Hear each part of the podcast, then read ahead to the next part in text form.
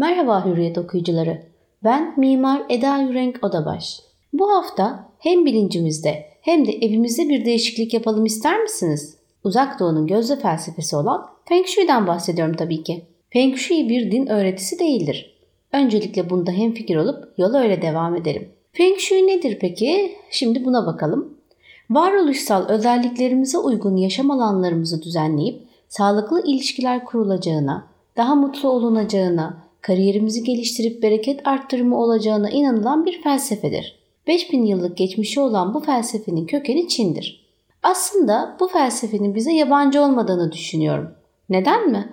Kimilerimiz evimizi kötülüklerden korusun diye nazar boncuğu asıyoruz ya da yaşam alanımızın bereketini arttırması için bereket duası asıyoruz kapımıza ya da evimizin herhangi bir köşesine. Feng Shui kelime anlamı olarak rüzgar ve su anlamına gelmektedir. Doğadan gelen rüzgar ve su hayatımızı dengeleyecek ve bereket ile şans getirecektir. Aslında bu bir dekorasyon stili ya da mimari bir akım değildir. Sadece yaşam alanlarımızı doğayla uyumlu bir şekilde düzenleyen bir disiplin diyebiliriz. Bu felsefe 5 temel elementin üzerine kuruludur. Ağaç, su, metal ve toprak. Bu felsefeyi doğru bir şekilde uygulamak ve sonuçlar elde etmek istersek Bogoa yön haritasını lütfen göz ardı etmeyelim. Bu harita bu 5 temel elementin yönlerini evimizdeki enerji alanlarını gösterir. Böylece evin hangi köşesinde hangi elementin ön plana çıkarılması gerektiği bu haritayla belirlenir. Bogoa yön haritasını Feng Shui'ye uygulanacak odanın kapısında ya da evimizin genelinde uygulayacaksak giriş kapımızdan yüzümüz eve dönecek şekilde durulur ve öyle belirlenir. Peki yaşadığımız mekanda nasıl uygularız? Öncelikle evimizin veya ofisimizin giriş kapısı büyük ve ferah olmalıdır. Kapının karşısına ise büyük bir ayna asılabilir. Çünkü dışarıdan gelen herhangi bir negatif enerji daha eve girmeden dışarıya geri yansıtılır. Giriş ise her zaman temiz olmalı ve gelenlerin kendini iyi hissedebileceği objeler koyulabilir. Bereketi temsil eden narlar olabilir, 7 sıralı fil olabilir gibi. Böylelikle eve gelen misafirleriniz bu kapıdan pozitif bir şekilde gireceklerdir. Yaşam alanımızda ise tek bir renk ağırlıkta olmamalıdır. Çünkü bu renklerin insan hayatına renk kattığına inanılır. Kırmızı rengi içeren bir tablo, kahverenginin tonlarında bir kilim, yeşil renkte bitkiler, mavi desenleri olan kırlentler, metali temsil eden gümüş, altın veya metalik objeler kullanabilirsiniz. Mutfak bölümünün girişi de iyi aydınlatılmalı, geniş ve ferah olmalıdır mutlaka kısa sürede bozulmayacak bir besin kaynağı yani kavanozlarınızdaki bakliyatlar olabilir, masanın üzerindeki meyveler olabilir gibi yani.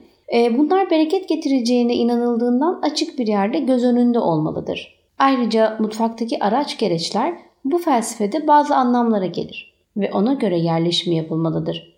Örneğin ocak ve fırın ateş temsil eder.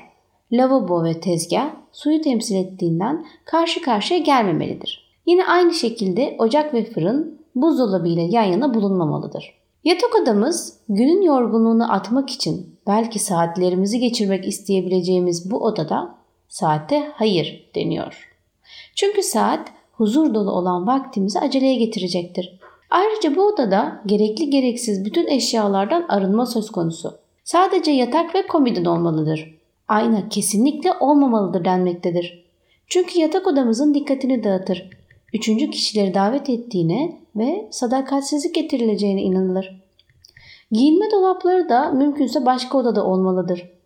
Eğer böyle bir imkan yoksa kalabalık görüntüsü veren dolaplar tercih edilmemelidir. Aydınlatma konusunda ise mumlar Feng Shui'nin en iyi aydınlatmasıdır. Sadece enerji değil, aynı zamanda şifa veren ve sıcak bir atmosfer yaratır. Gelelim banyolarımıza. Vücudumuzun arındırılmasına yönelik bir alandır. Buradaki suyun varlığı ruhumuzu arındırır. Aynı zamanda su Feng Shui'de parayı temsil eder. O yüzden bu felsefede denilir ki her zaman klozet kapağımız ve banyo kapımız kapalı olmalıdır ki evimizdeki enerji ve para kaybımız en aza indirgensin. Aslında klozetin küvet ve lavabo ile ayrı olması istenir. Fakat bu hepimizin evlerinde biraz imkansız görünüyor. Belki klozeti eğer mekanda yerimiz varsa separatör görevi gören büyük bitkilerle ayırabiliriz. Banyonuza enerji vermek için pencereleri sürekli açık tutun. Bu içerideki havayı temizleyecek ve banyonuzda nem, rutubet oluşumunu da engelleyecektir. Bunun haricinde gözünüze ve burnunuza hoş gelecek kokular, mumlar, küçük bitkiler, sabunlar kullanabilirsiniz tabii ki de.